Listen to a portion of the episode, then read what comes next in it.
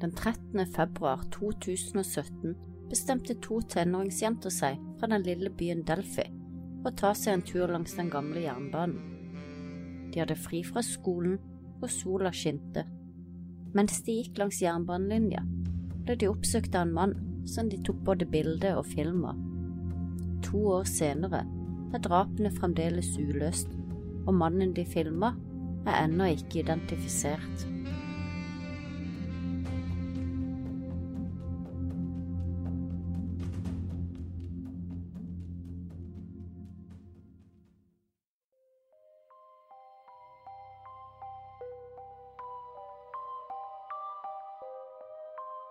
Deg godt til rette med noe godt i kroppen, og bli med inn i vår mystiske, grufulle og forunderlige verden.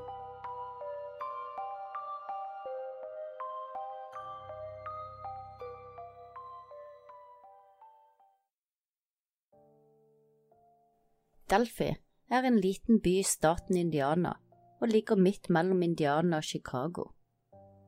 Delphi rommer kun 3000 innbyggere og et sted hvor alle kjenner alle.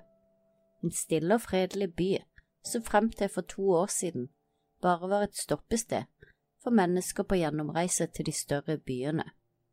Etter drapene på Abigail og Liberty er Delphi nå synonymt med de voldsomme drapene som rammet to uskyldige unge jenter. Abigail Joyce Williams kom til verden 23. juni 2003, og det var en stolt mamma, Anna Williams, som tok imot henne. Abigails far var ikke i bildet og har ikke hatt en aktiv rolle i livet hennes. Abigail, som gikk under kallenavnet Abby, hadde heller ingen søsken og var Annas eneste barn. Men Abby hadde et nært og godt forhold til besteforeldrene sine, Erik og Diana Erskin, som hun kalte for pappa og Mimmo, og også med sine tanter, onkler og kusiner.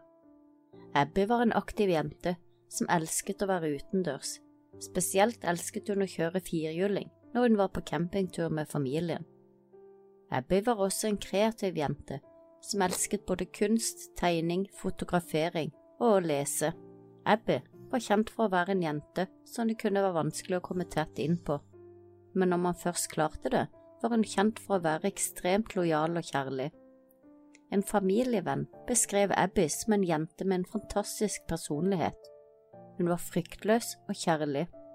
Det kunne ta tid før hun følte seg trygg på deg, men hun var ekstremt snill og godhjertet. Klassevenner beskrev at hun kunne være stille og sjenert foran mennesker hun ikke kjente, men hun var stikk motsatt når hun var med vennene sine. Abby spilte også i skolens korps, og hennes instrument var saksofon, og så spilte hun også på skolens volleyballag.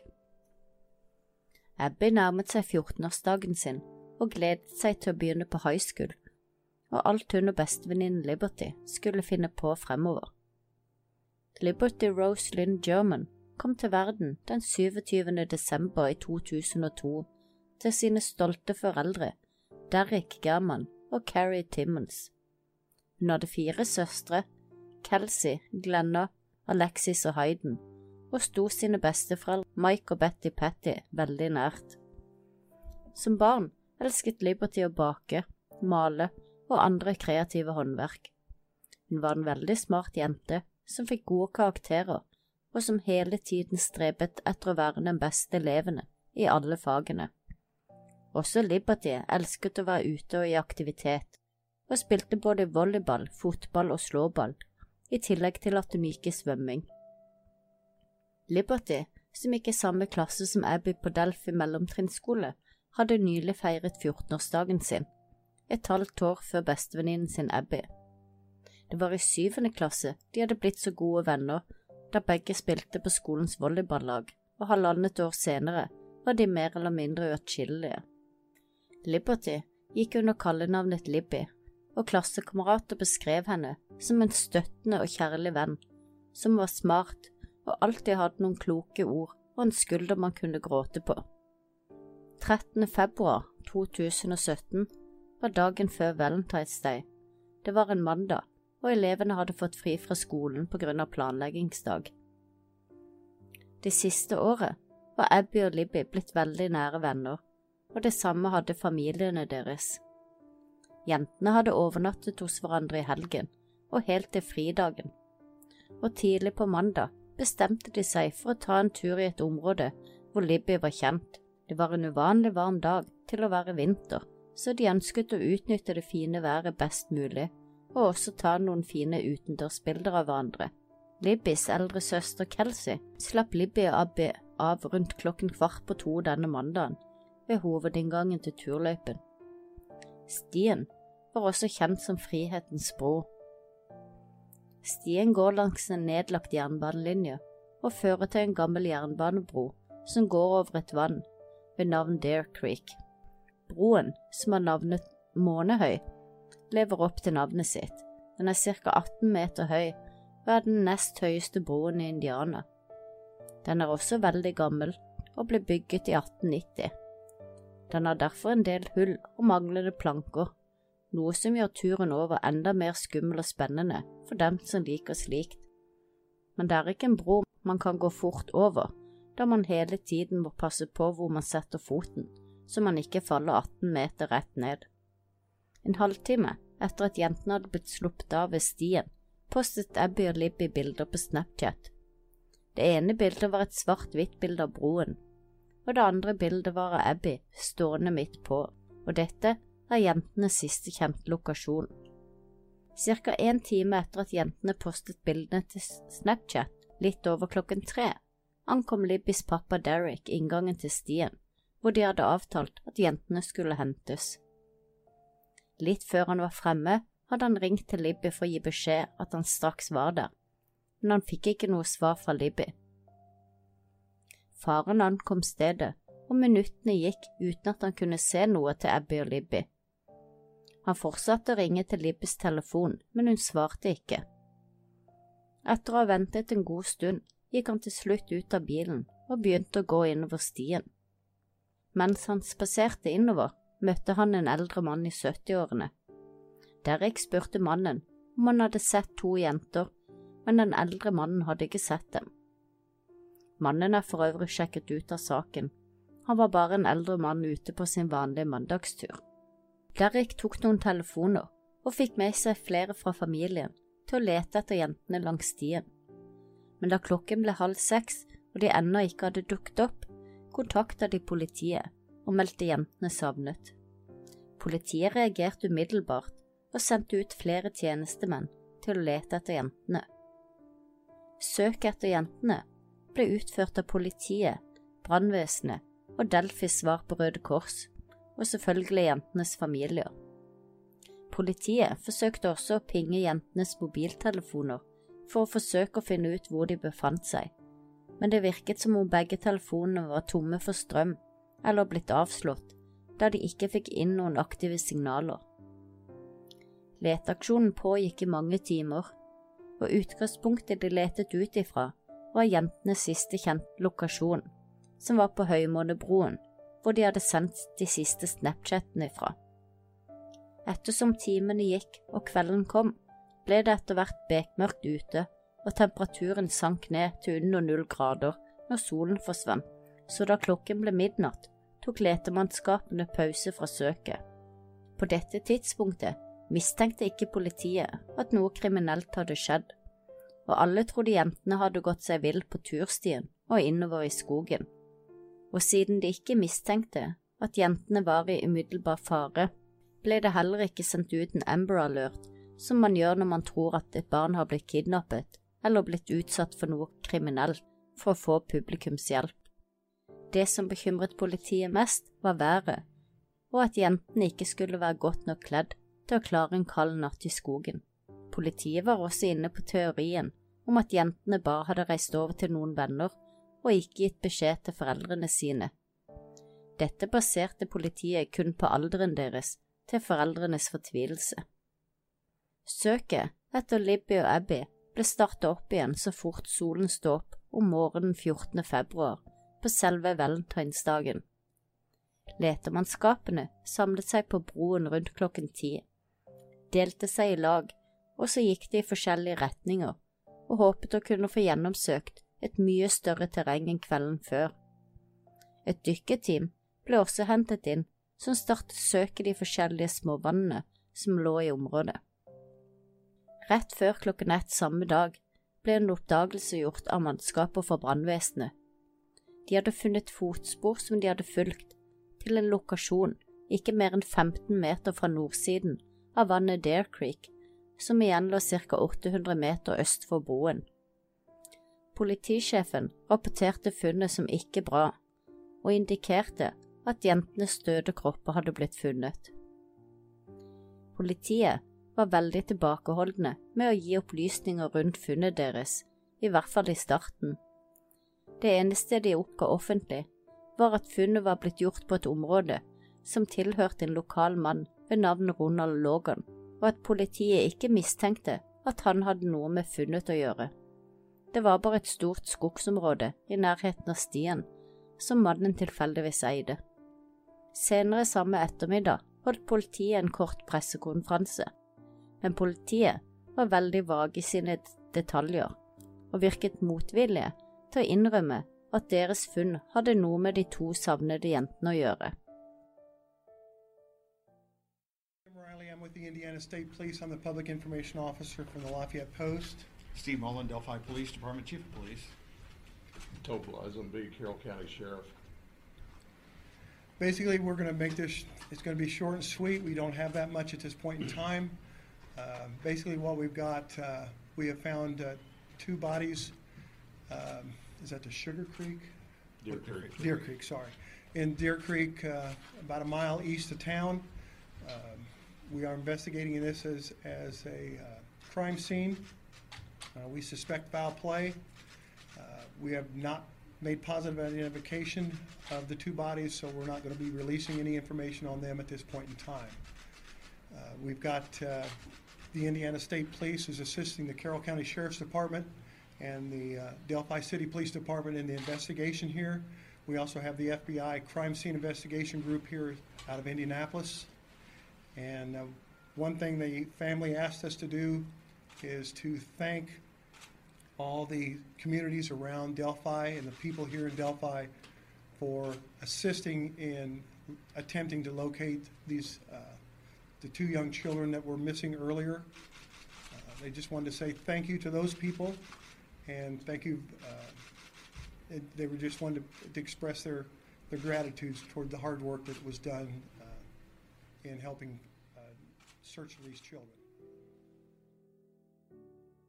Først dagen etter, 15. februar 2017, bekreftet politiet at det var Abby og Libby som hadde blitt funnet døde dagen før.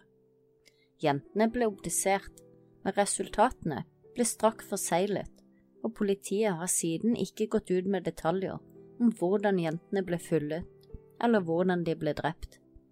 Det eneste de ville si, var at noen der ute har begått disse drapene, og vi skal finne dem. Senere samme kvelden offentliggjorde politiet et bilde av en mann som de ønsket å komme i kontakt med. Mannen hadde gått på samme sti som jentene. Bildet som ble offentliggjort, viste at mannen gikk over den samme broen som jentene hadde gått over og tatt Snapchat-bilder av, før telefonene deres gikk i sort. Bildet var tatt med telefonen til Liberty. Bildet var ikke veldig skarpt, men viser tydelig en mann i dongeribukse, mørkeblå jakke og noe som ser ut til å være en brun caps, og en skjorte, brun eller rød, som stikker ut fra under jakka. Litt lubben, kanskje mest i magepartiet. På bildet går han og titter ned mot bakken og har hendene i lomma. Politiet sa ikke offisielt at mannen var mistenkt, men en person av interesse som de ønsket å prate med men bare noen dager senere endret dette seg, og politiet endret det til at han nå var hovedmistenkt i saken. Etter hvert kunne også politiet avsløre at Libby ikke bare hadde tatt bilde av denne mannen like før hun døde, hun hadde også tatt opp video med lyd. På tross av sin unge alder hadde Liberty vært årvåken nok til å slå på videoen og filmet vedkommende idet han oppsøkte jentene hun visste ikke at han ville skade dem, men kanskje hadde hun hatt en magefølelse på at noe ikke var helt som det skulle. Jenter har ofte en sterk intuisjon på slike ting, men er kanskje lettere å forstå og høre på når man er eldre. og takket være Liberty sin smarte tankegang hadde politiet et godt utgangspunkt for å lete etter en mistenkt i saken. Politibetjent Tony Slocum i Indiana-politiet uttalte Liberty er en helt uten tvil. Å være så årvåken at hun tenkte på å aktivere kameraet på telefonen for å filme det vi nå er ganske sikre på var en kriminell handling, så er det ingen tvil hos oss at hun er den store helten. Den mistenkte morderen til Abby og Libby var altså fanget både på bilde, film og lyd av offeret selv. Politiet har offentliggjort en liten del av denne filmen, hvor du kan se mannen komme gående mot dem over broen. Og de har frigjort dette lydklippet, hvor man kan høre mannen si til jentene Down the hill, altså ned skråningen på godt norsk.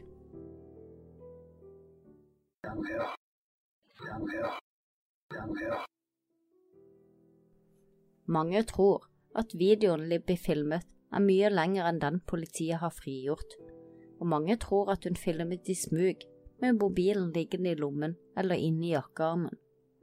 Det er også godt mulig at videoen inneholder bilder eller lyder av selve angrepet, og at det derfor politiet ikke har frigjort hele og er tilbakeholdne med detaljer rundt funnet og hvordan de ble drept.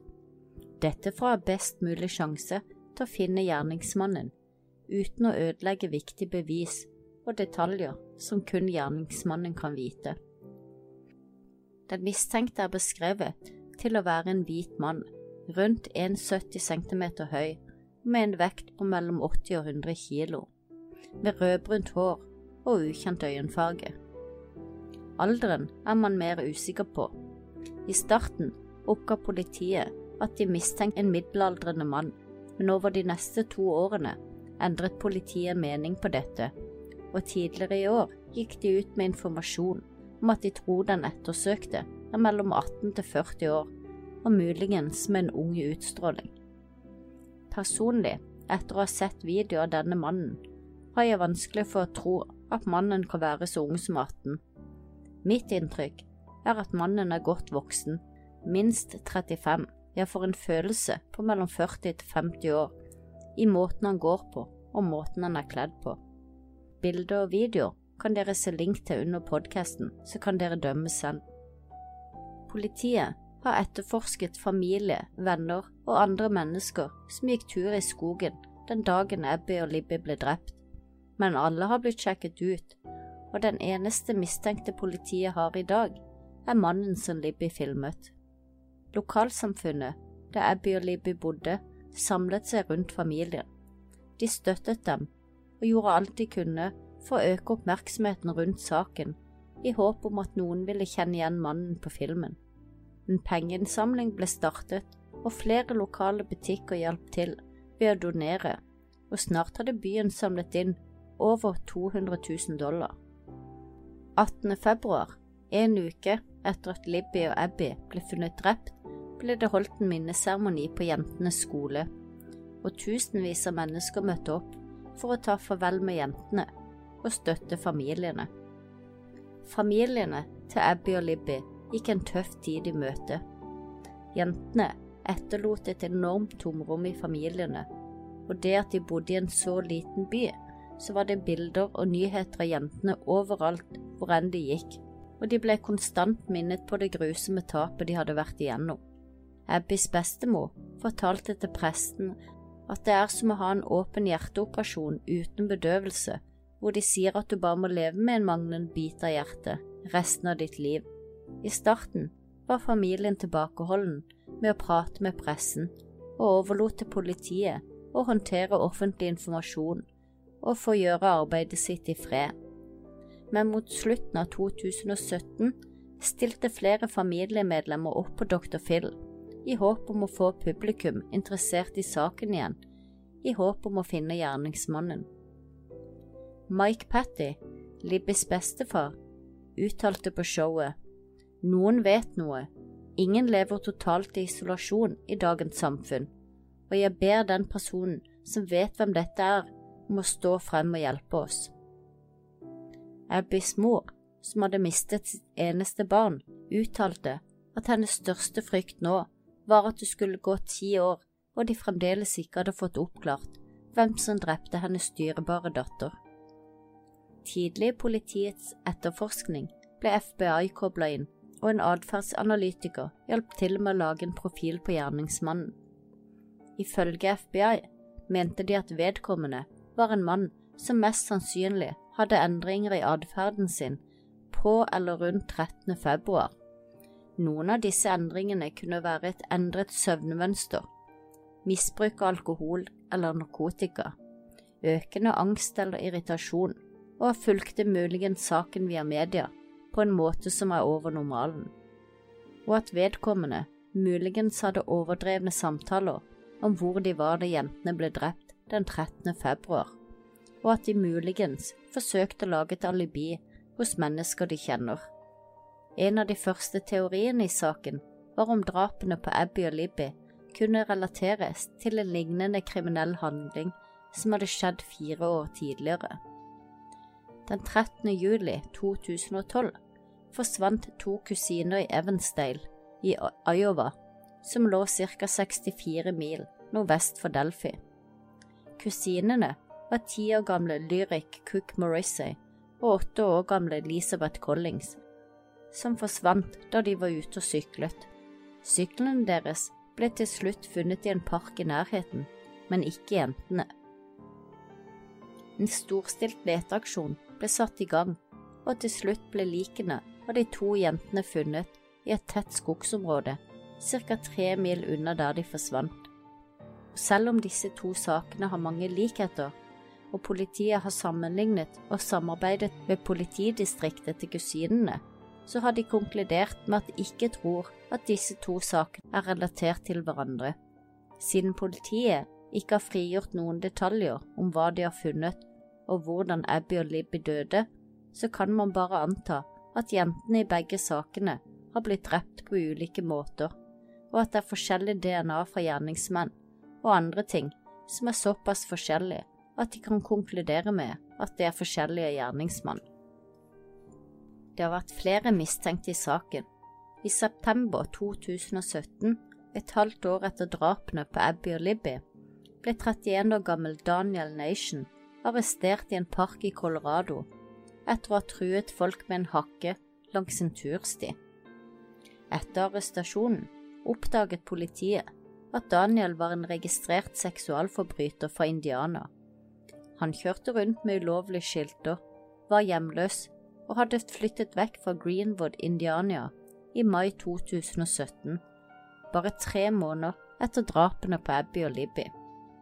Politiet fattet interesse og begynte å undersøke Daniel nærmere.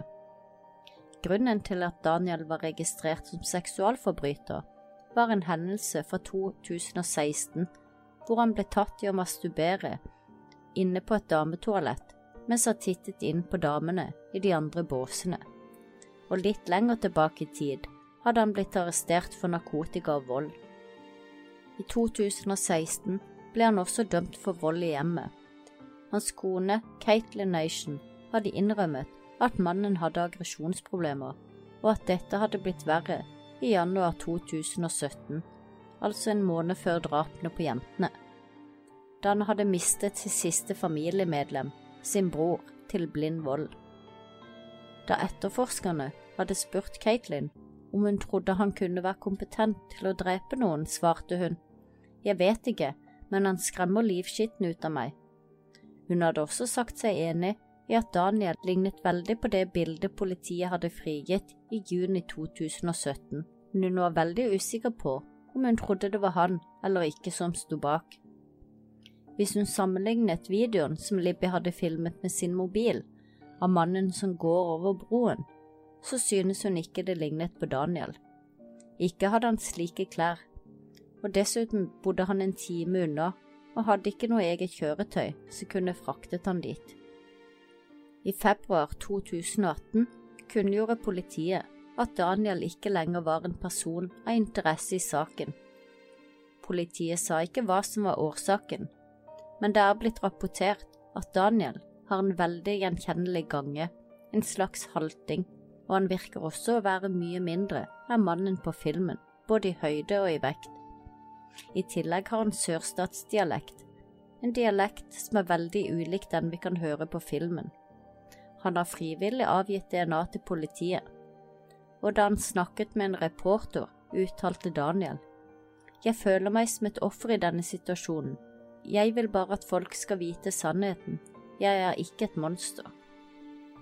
I juli 2018, mer enn ett år etter Delfia-drapene, ble Miller arrestert i en 30 år gammel sak hvor en åtte år gammel jente ved navn April Tinsley ble drept i 1988. Hun hadde forsvunnet da hun var ute og lekte med vennene sine. Noen dager senere ble hun funnet død, kvelt og seksuelt misbrukt. I tillegg hadde han lagt igjen flere hint som plaget både etterforskerne og familien til lille April. Etter 30 år og en mye bedre DNA-teknologi fikk etterforskerne endelig treff på 59 år gamle John Miller. John tilsto drapet og sa seg skyldig i retten, han ble dømt til 80 år i fengsel. Etter arrestasjonen er det mange internettdetektiver som har teorisert om at han står bak drapene på Abby og Libby. Han bodde mindre enn to timer unna, og har helt klart motivasjon til å drepe. Et av hintene politiet hadde fått fra 1988, da April ble drept, var en lapp hvor han skrev 'Jeg vil drepe igjen'. Politiet har vært vage i å uttale seg om det kan være noen link i denne saken, en politibetjent uttalte Vi har tusen navn der ute, og vi ser fremdeles på alle sammen. I januar 2019 ble 46 år gamle Charles Eldridge arrestert i Union City i Indiana, ca. to timer sørvest for Delphi. Charles er veldig lik tegningen som politiet friga til publikum, og han var blitt arrestert da han trodde han skulle møte en 13 år gammel jente men uvisst for ham var det en politibetjent som sto klar til å møte ham. Han innrømmet å ha hatt seksuell kontakt med et annet barn under 13 år ved flere anledninger. Så fort han var fengslet, gikk arrestasjonsbildet av ham viralt. Mennesker over hele verden begynte å sammenligne det med bildet frigitt av politiet i juni 2017. Likhetene var så påfallende at de som hadde fulgt saken, varslet FBI. Ikke lenge etter gikk FBI ut og anmodet publikum om å ikke publisere og beskylde Charles. Bortsett fra at det er noen likheter med politiets tegning, så er det ingen bevis eller annet som tyder på at han har noe som helst med drapene å gjøre. Men så, i april i år, annonserte etterforskerne i drapene på Abby og Libby at de nå førte etterforskningen i en ny retning. Politiet offentliggjorde nå en helt ny tegning av personen de ettersøkte, og tegningen var nå veldig ulik den politiet hadde frigitt to år tidligere. Politiet mener den nye tegningen er ansiktet de mener er på videoen fra Libby sin telefon, altså mannen som går over broen. Mannen ser mye yngre ut på den nye tegningen, og man får et helt annet inntrykk.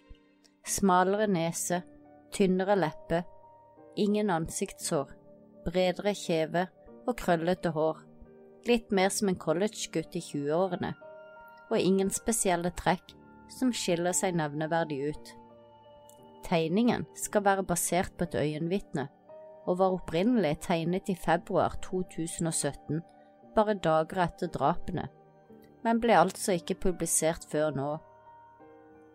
For første gang sa også politiet at de var nesten sikre på at gjerningsmannen kjente til Delphi, antageligvis en som arbeidet og bodde i byen, eller som besøkte byen jevnlig av ukjente grunner. Politiet frigjorde nå også et lite klipp fra filmen hvor du ser mannen bevege seg. Frem til nå var det kun stillbilder fra filmen som var frigjort. Et bitte lite ekstra lydklipp ble også offentliggjort. Fra tidligere hadde man klippet hvor han sier Down the hill. Nå fikk vi også høre han si Guys.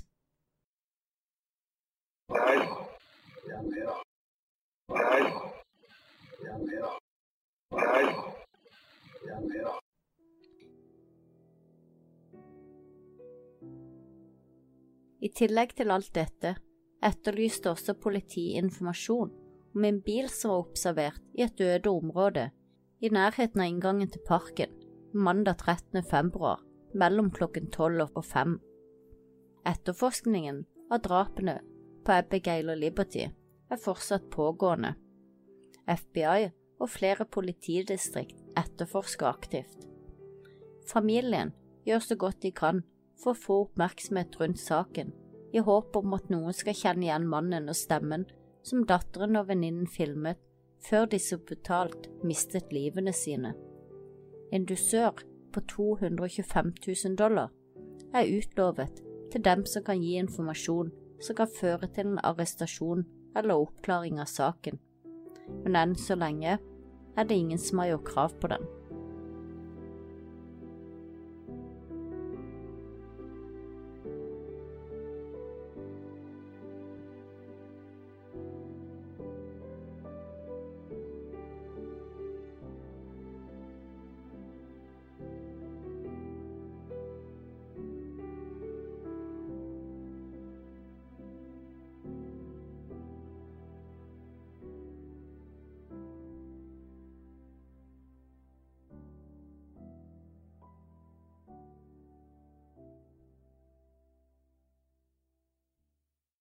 Har du et enkeltpersonforetak eller en liten bedrift? Da er du sikkert lei av å høre meg snakke om hvor enkelt det er med kvitteringer og bilag i fiken, så vi eh, gir oss her, vi.